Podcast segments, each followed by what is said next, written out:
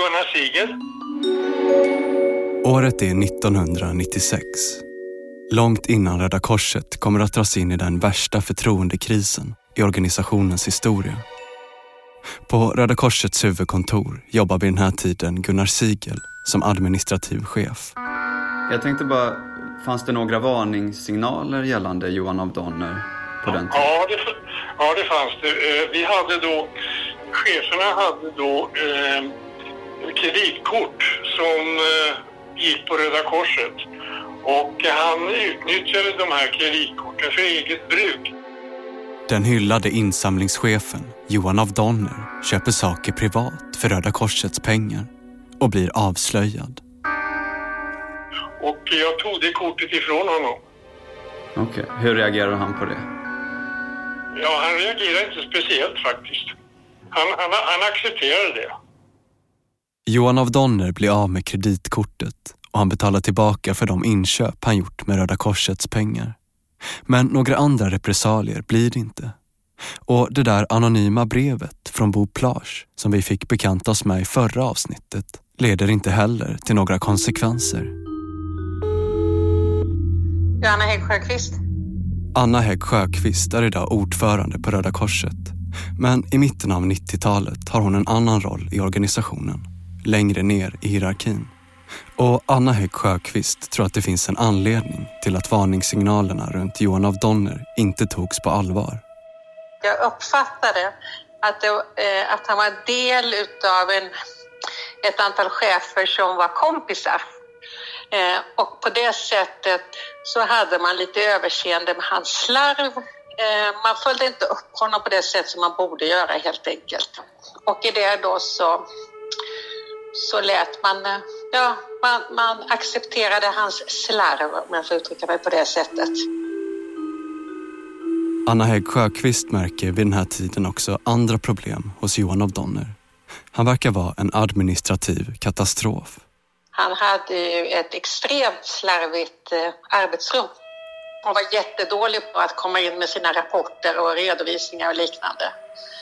Eh, och det har jag ju lärt mig senare att det är ett tecken ibland på att det kan förekomma ekonomiska oegentligheter och att man ska därför vara väldigt uppmärksam på den typen av personer på, på en arbetsplats.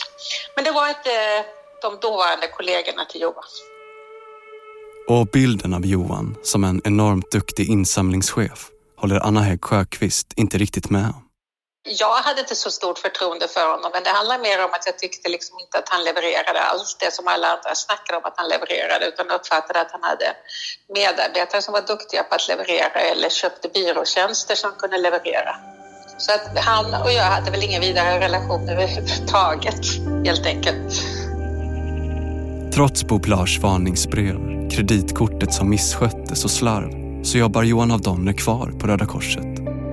Och snart väntar nya, spännande uppdrag. Johan av Donners karriär i välgörenhetsbranschen har knappt hunnit börja. Ja, jag känner som man ibland gör med människor som man vet kanske har gjort konstiga saker att de har en förmåga att klara sig. Johan är uppenbarligen en sån person som har förmågan att klara sig. Third Ear Studio presenterar Skuggland säsong 2. Korsfararen. Ett program i fem delar av Mårten Trofast. Avsnitt 2. Göran Persson och Lilleputtarna. Och så ett litet meddelande till dig som lyssnar och som älskar den här typen av poddar. Den här serien kommer att gå att lyssna på gratis. Varje vecka släpper vi ett nytt avsnitt. Men du kan också välja att lyssna på hela serien direkt, utan reklam. För 49 kronor i månaden får du full tillgång till den här podden och alla andra program som vi gör här på Third Ear Studio. Gå in på thirdearstudio.com eller läs mer i avsnittsbeskrivningen. Nu kör vi!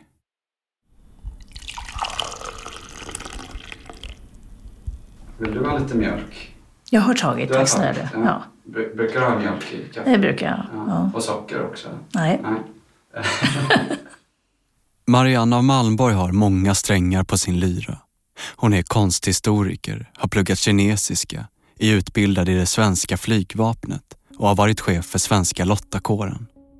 När Cancerfonden 1996 söker efter en ny generalsekreterare faller valet på Marianne av Malmborg.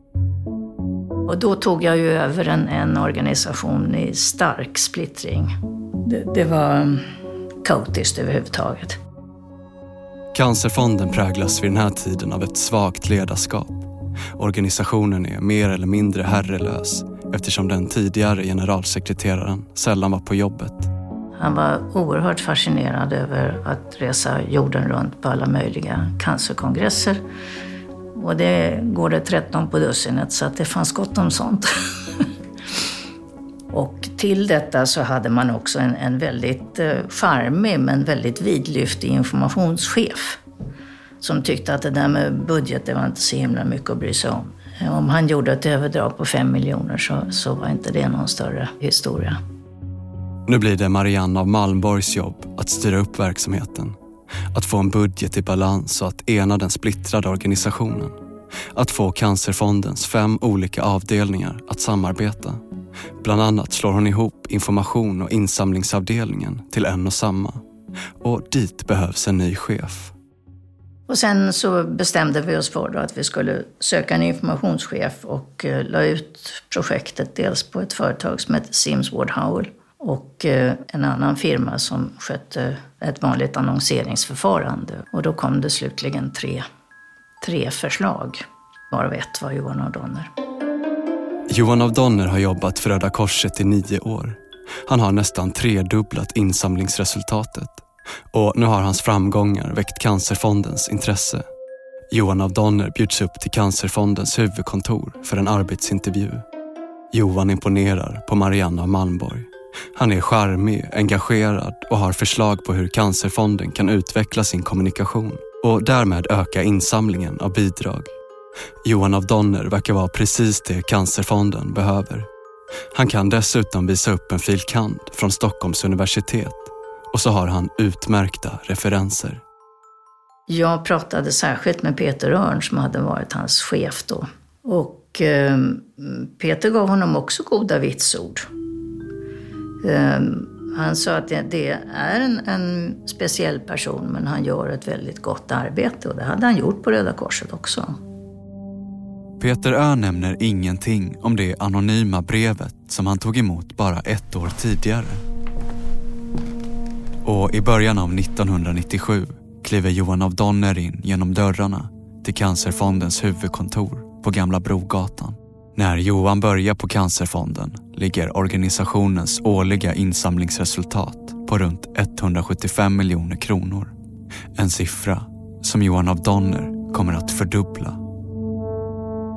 Jag heter Karl Levenhaupt och jag har arbetat med reklam och varumärkesfrågor i över 35 år.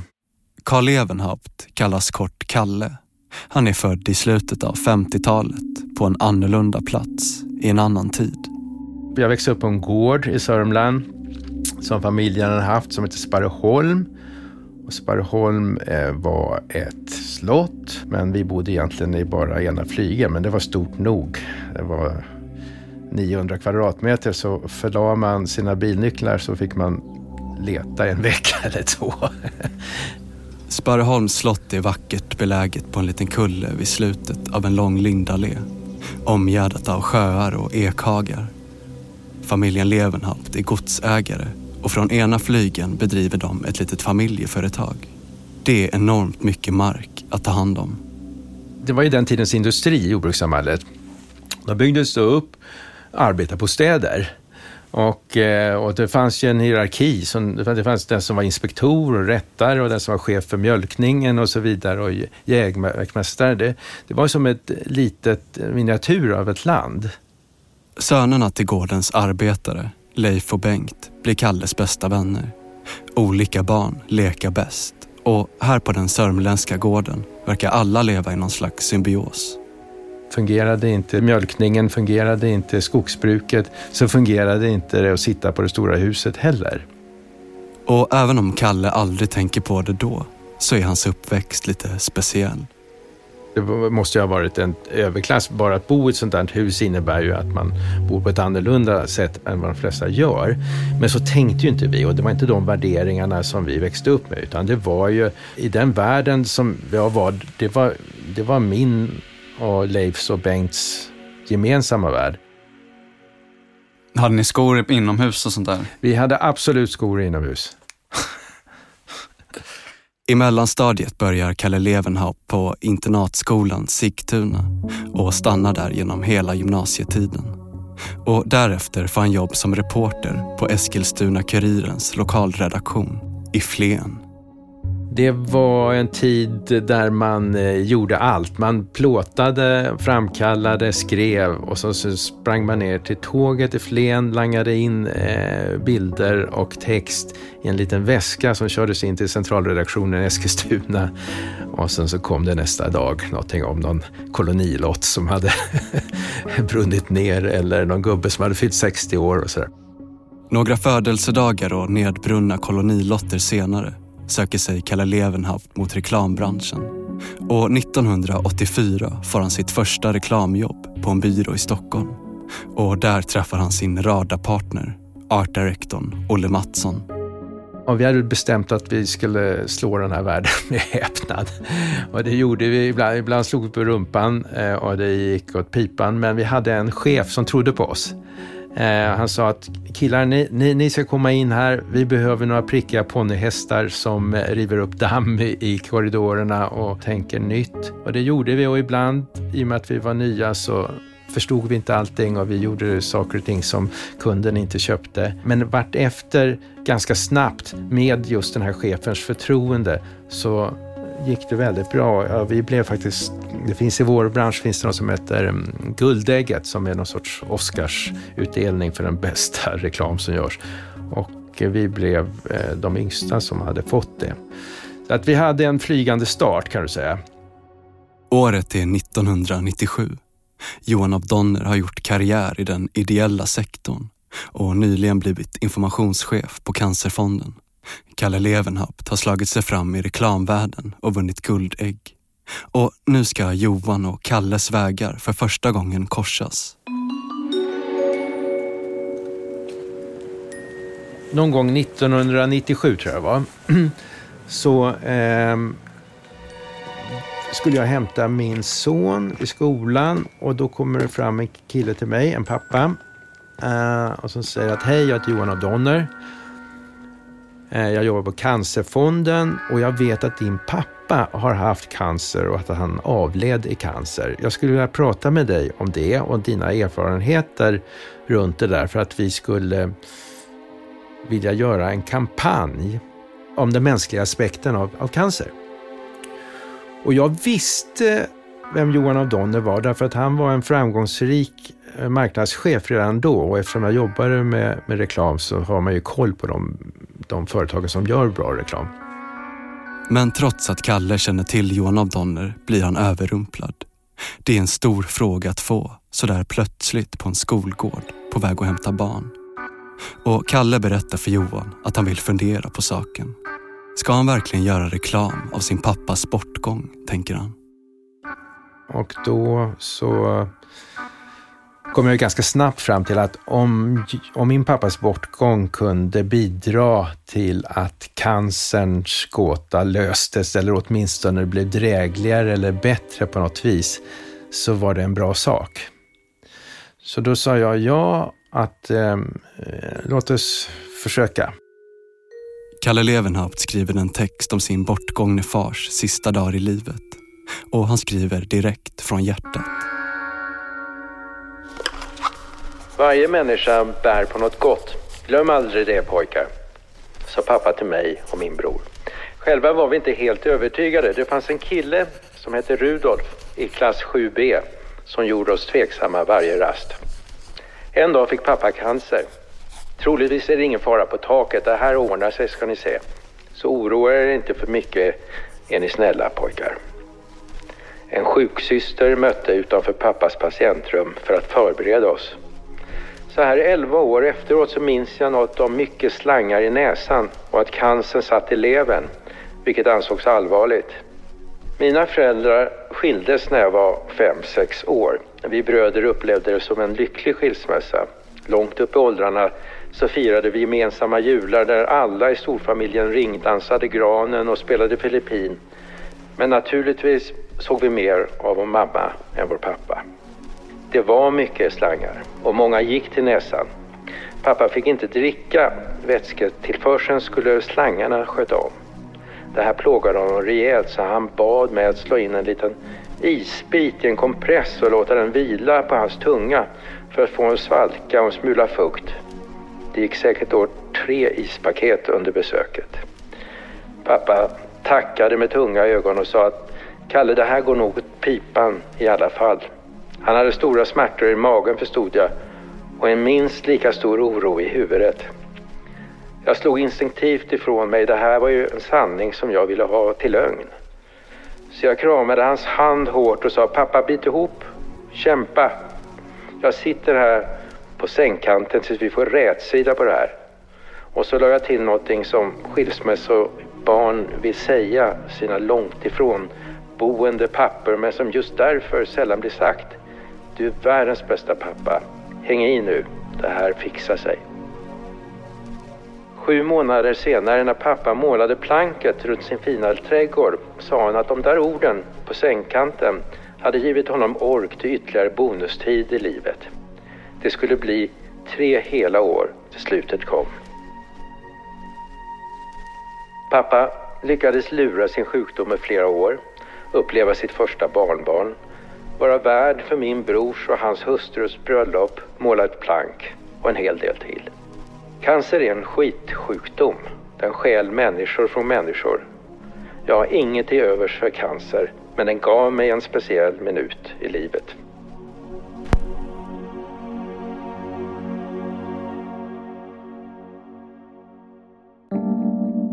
Kalle Levenhaups text om sin pappa täcker en hel sida i de stora dagstidningarna och blir en enorm marknadsföringssuccé. Texten anses vara ett helt nytt grepp att kommunicera kring forskningsfrågor. Och Johan av Donner är så nöjd att han vill fortsätta samarbetet. Och det här är startskottet på en lång relation mellan Johan av Donner och Kalle Levenhaupt. Han är en social varelse. Han är lätt att prata med. Förr i tiden pratade man om sällskapsmänniskor. Han är en sällskapsmänniska kan man säga. Sällskapsmänniskan Johan av Donners idéer får snabbt fäste. Han tänkte väldigt mycket som reklambyråer. Han förstod att på den tiden så pratade man om snackisar, alltså att saker och ting som just blir samtalsämnen i skolbänken eller vid frukostbord eller så vidare. Och kunde man hamna i det området då hade man lyckats med sin kommunikation. Johan förstod det där, att eh, snackisar var en valuta, en social valuta i kommunikationssamhället. Cancerfonden ska inte bara sprida information, de ska beröra. Man måste liksom hitta de här strängarna som gör att folk hajar till. Det där var han bra på. Han förstod liksom vikten av att spela ja. på personliga strängar på något sätt. Ja, det gjorde han ju. Och när du säger det så kan man ju tycka att det här är en manipulatör. För det där är ju det är där den moraliska kompassen kommer in. Man måste veta var man ska dra, dra, gränser. Är man duktig på att dra de här strängarna, då kommer ett jädra stort ansvar. Annars så hamnar du i diket. 1997 finansierar Cancerfonden 75 procent av all cancerforskning i Sverige. Medan staten står för endast 3 procent för en sjukdom som drabbar var tredje svensk. Det där var konstigt, att det inte fanns en nationell plan. Hur ska vi ta hand om cancern? Den är ju så stor, den drabbar så många. Och då gjorde vi en annons som skulle lyfta frågan. Det var en ganska stark bild som förmodligen inte skulle kunna göras idag. Kalle Levenhaupt och Johan av Donner genomför en rikstäckande kampanj med inspiration hämtad ur Gullivers resor. Där den dåvarande statsministern Göran Persson har blivit till en jätte som tappar balansen och fjättras av lilleputtarna. Ovanför den fallne statsministern står det När staten lägger sig reser sig folket. Den där annonsen ställde frågan, Göran Persson, det här är en så stor fråga så du kan inte undgå ett ansvar som statsminister. Det är en folksjukdom. Ni betalar 3 procent. Ehm, och eh, det där eh, tog fyr. Eh, Göran Persson blev arg naturligtvis. Men, och det förstod vi ju. Och det förstod Johan framförallt. Så plötsligt diskuteras cancer vid kaffeautomaterna runt om i Sverige. Statsministern är rasande. Tidningarna skriver om det och Johan av Donner har lyckats med precis det han var ute efter. Att skapa en snackis. Johan av Donner gör cancerfrågan begriplig.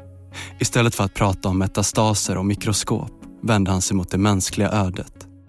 Det där gjorde Johan på ett väldigt, väldigt bra sätt. Cancerfondens dåvarande generalsekreterare Marianne Malmborg.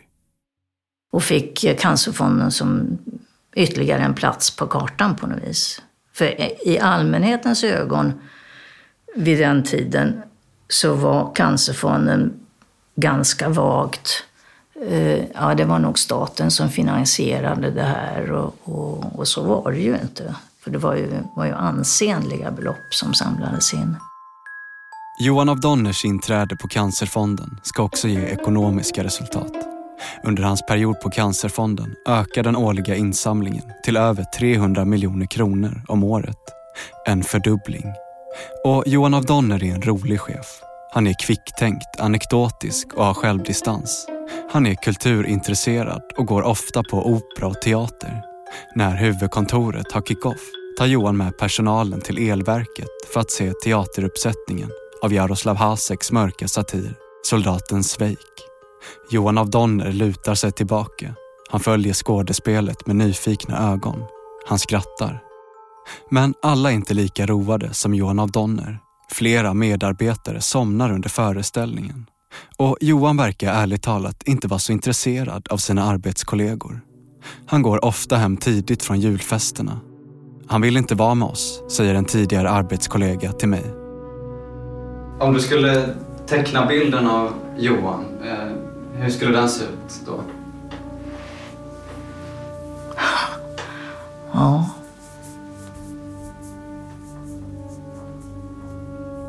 En farmig person, men kanske lite barnslig. På vilket sätt? Ehm, just detta att han ville gärna att ljuset skulle vara på honom. Johan av Donner vill gärna synas. Han medverkar i radio, tv och tidningar. Ofta iklädd rosa skjorta och en dubbelknäppt clubblazer. Han trivs i rampljuset snarare än att brinna för cancerfrågan. I själva verket kan Johan av Donner nästan ingenting om cancer. Det intresset visade sig, det fanns ju inte hos, eh, eller intresse eller förmåga, den fanns inte hos Johan. Han hade en, en eh, ett behov av att synas eh, och vara uppmärksammad och att vara sedd i media och bli intervjuad. Men, men ehm, det gick ju inte att pressa honom på någon information om cancersjukdomarna. Men Johan var inte intresserad av att lära sig om Nej. cancer? Nej, det var, han, nej, han pallade inte med det uppenbarligen. Han kunde inte ta det till sig. Och så är det en annan grej med Johan av Donner. Han är en riktig slarver. I mina ögon så var han en administrativ katastrof. Johan av Donner lägger ofta över alla administrativa sysslor på andra. Han kan knappt öppna sin egen dator själv och är oförmögen att planera saker. Han har svårt att passa tider och ibland bara försvinner han och är omöjlig att få tag i. En gång när Marianne och Johan ska föreläsa på en cancerkongress i Portugals huvudstad Lissabon kommer inte Johan. Så skulle Johan komma med för han hade med sig en del material. Och då fick jag veta att han befann sig i Prag och de hade ställt in flyget till Lissabon. Jaha.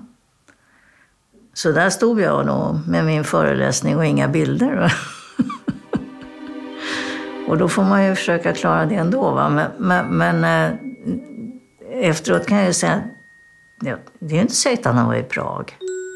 Det är inte säkert jag har ingen aning om, om, om det var sant eller inte. Och det, det tycker jag är en ganska kuslig känsla, att jag inte ska kunna lita på vad människor säger. Ert förhållande emellan då, du berättar att han var en administrativ katastrof, han kunde inte hålla tider. Va, hur, hur fick ni det där att funka liksom? För jag tänker att de flesta hade blivit förbannade om man har möten och... Det, ens... det, det blev jag ju ibland. Um, men, men um, jag levde med det med tanke på att det var så mycket annat som han gjorde som var bra. Men så en dag händer något annat. Något allvarligare. Plötsligt kommer Cancerfondens redovisningsansvarige inspringande till Marianne av Malmborgs arbetsrum. Och hon var röd om kinderna och röd om öronen och fruktansvärt nervös. Jag tänkte, vad är det som har hänt med Inga? Och så sa hon, jag måste berätta en sak. Att det kreditkortet som Johan eh, använder, det, det sköter han inte på ett sätt som är riktigt. Och, eh, och så, så frågade jag lite närmare hur, hur, hur det ut då. Ja, han har, han har köpt saker och ting för, för eh, eget bruk och han har inte betalt in pengarna för det. Och då så sa jag helt frankt att då drar vi in kreditkortet. Hur reagerade han när du... Ja, ja, nej, ja jag sa jag drar in det nu, alltså, nu får vi ha en annan modell på det här. Ja, ja, ja, ja det, det, det förstår jag. Han skulle bättra sig. Ja, det blir bra det. Så behöver vi inte prata mer om det, sa jag. Och sen så kom han faktiskt vid något annat tillfälle och sa att Marianne, det där gjorde du alldeles rätt i. Riktigt vad som fick honom att säga det, det, det, det har jag inte borrat i någon större utsträckning. Men, men eh, jag tyckte samtidigt att det var en, en positiv återkoppling. Johan av Donner har än en gång klarat sig undan med en tillsägelse och ett indraget kreditkort. Kanske är det Johans slarviga sätt som gör att Marianne av Malmborg har överseende med hans misstag. Kan du känna att du har varit naiv i det? Det i efterskott så kan, kan man gärna använda det ordet på mig. Visst. Att jag... Eh, jag eh, borde kanske ha ställt ännu fler frågor. Försökt lära mig ännu mera. Men ska vi vara helt ärliga så är det där med kreditkortet en ren bagatell. Om Marianne bara visste vad Johan av Donner egentligen sysslar med. Att han genom påhittade fakturor lurar Cancerfonden och stoppar bidragsgivarnas pengar i egen ficka. Att han finansierar sitt privata lyxliv med pengar som borde gått till cancerforskning. För privat lever Johan av Donner på storfot. Dyra resor med familjen en paradvåning vid Humlegården, ett sommarhus i Frankrike och ett i Torekov. Och mycket vill ha mer. En dag så säger Johan, då har vi kanske jobbat i två, tre år, frågar han mig, Kalle, jag, jag vet att du bor på landet. Och eh, då hade vi ett hus som hade varit gammalt tegelbränneri, som var ganska fint, så låg vid vattnet. Och sa, ja men Johan, vi har ju faktiskt ett hus till salu. Du kan kika på om det skulle vara någonting för dig. Och då åkte Johan och hans familj ner och så gillade de det och så började de hyra det. Och så därifrån så började jag se att han byggde upp kontaktytor mot mig som var mer än de professionella. Några år senare har Johan av Donner tagit jägarexamen. Och då så sa han så här att nu har jag tagit jägarexamen, det skulle vara väldigt kul att vara med i ett jaktlag. Eh, hur gör ni? och då så sa jag att ja, vi har ett jaktlag och du, du, du, nej, men du kan vara med där om du vill. Och så en dag är det dags för Kalle Levenhaupts ena son att börja på gymnasiet på internatskolan Lundsberg. Och när vi kommer dit så är Johan av Donner där. Med ett av sina barn som också ska börja. Kalle Levenhaupt ser det inte där och då. Men plötsligt har han och Johan av Donner en rad gemensamma kontaktytor som egentligen är större än vad deras relation är. Men någon som märker något, det är Johan av Donners chef, Marianne av Malmborg. Han ville gärna röra sig i den kretsen. Men han tog jägarexamen till exempel. Så kom han in och berättade att han skulle skulle gå på jag hade något slutprov. Så sa men Johan, du, du har väl aldrig skjutit ett djur? Så jag. Nej, nej, men det är väldigt trevligt att sitta där ute i skogen. Ja, så kan vara jävligt kallt och vått också, så. Johan av Donner berättar gärna för Marianne om sina turer i skogen med sin vän Kalle Levenhaupt. Nu hade han varit ute med Kalle Levenhaupt och då var det väldigt betydelsefullt för Johan att, det, att han befann sig där. Så att han, han försökte nu göra med, mera utav sin adliga tillhörighet än, än eh, som är klädsamt. Det som är obehagligt är att jag inte såg allt det här. Och att jag hade ganska många olika kontaktytor mot honom och att allting började med min pappas bortgång. Kalles pappa ja, som gick bort 11 år innan det där mötet på skolgården 1997. Har du reflekterat någonting kring hur Johan kände till att din pappa hade haft cancer? Nej, det har jag faktiskt inte. Det har jag faktiskt aldrig gjort. Det är ju en intressant fråga. Nej. Du har lyssnat på andra delen av Skuggland, Korsfararen. Den här serien kommer att gå att lyssna på gratis. Varje vecka släpper vi ett nytt avsnitt. Men om du inte vill vänta kan du lyssna på hela serien direkt, utan reklam. För 49 kronor i månaden får du full tillgång till den här podden och alla andra program som vi gör här på Third Ear Studio. Gå in på thirdearstudio.com eller läs mer i avsnittsbeskrivningen. Skuggland, Korsfararen, är ett program av mig, Mårten Trofast. Producent var David Mer. Slutmix Gustav Sondén. Vignetten är skapad av Jonathan Johansson och David Lindvall. Arkivklipp kommer från TV4, Sveriges Radio, Sveriges Television och Röda Korset. I redaktionen finns också Anna Åkerlund, Arvid Hallberg, Sara Lundin, Love Lyssarides, Martin Jonsson, Maria Hansson Botin och Joel Silberstein Hont. Vi har sökt Johan av Donner för att ge honom möjligheten att bemöta de anklagelser som riktas mot honom i det här programmet utan framgång. Tack för att du lyssnar på Skuggland.